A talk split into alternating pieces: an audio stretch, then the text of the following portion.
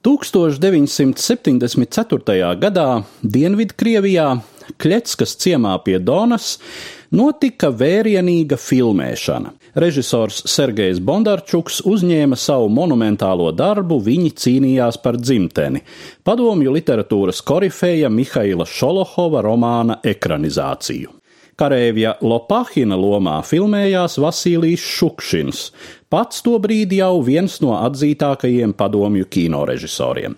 Nu jau kādu gadu skatītāji visā Padomju Savienībā un arī aiz tās robežām līdzpārdzīvoja galvenā varoņa Jegora Prokūdina traģiskajam liktenim filmā Irbenājs sarkanais, izcilākajā Šukšina kinolentē, kuru viņš ne tikai režisēja, bet pats arī rakstīja tai scenāriju un tēloja galveno lomu.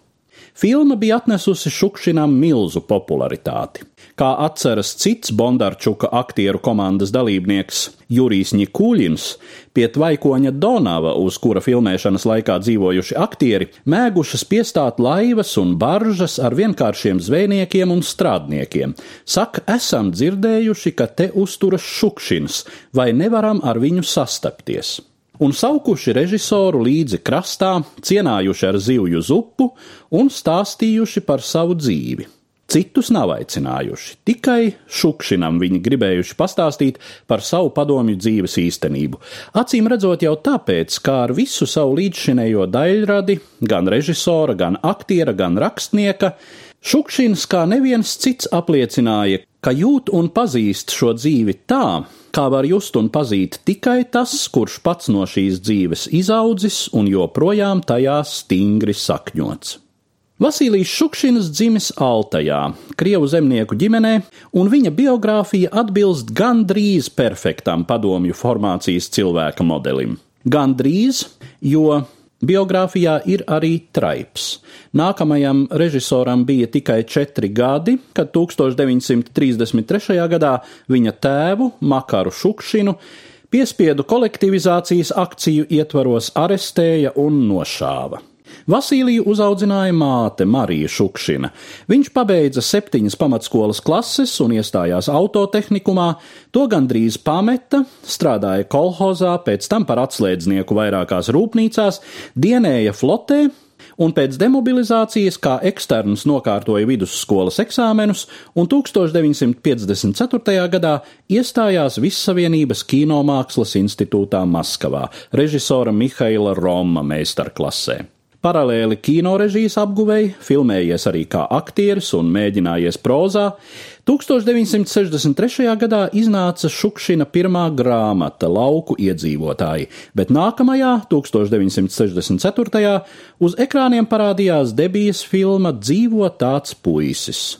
Parādījās un saņēma Venēcijas kinofestivāla balvu Svētā Marka zelta lauvu.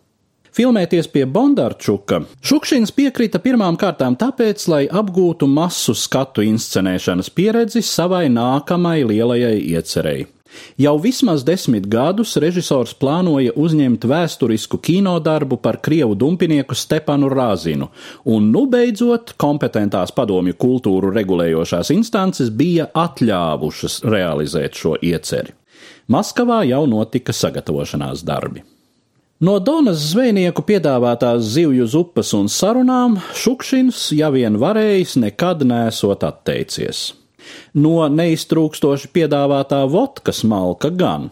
Toties smēķējis daudz, vienu cigareti šipka pēc otras, aromātisku, stipru bulgāru tabaku bet filmēšanas laikā neizbēgamajos aktieru burziņos nesot piedalījies, gājis uz savu kaīti un rakstījis, bieži līdz vēlai naktī. No rīta bijis atkal formā, iedarbinājis sevi ar tasis stipras šķīstošās kafijas. Aktieris Georgijs Burkovs parasti no rītiem uzņēmies pienākumu pamodināt īsās stundas gulējušo kolēģi. Ļoti iespējams, tieši viņš 1974. gada 2. oktobra rītā atrada Vasiliju Šukšinu viņa kaītes guļvietā mirušu. Sirds bija apstājusies miegā. Stāstīja Eduards Liniņš.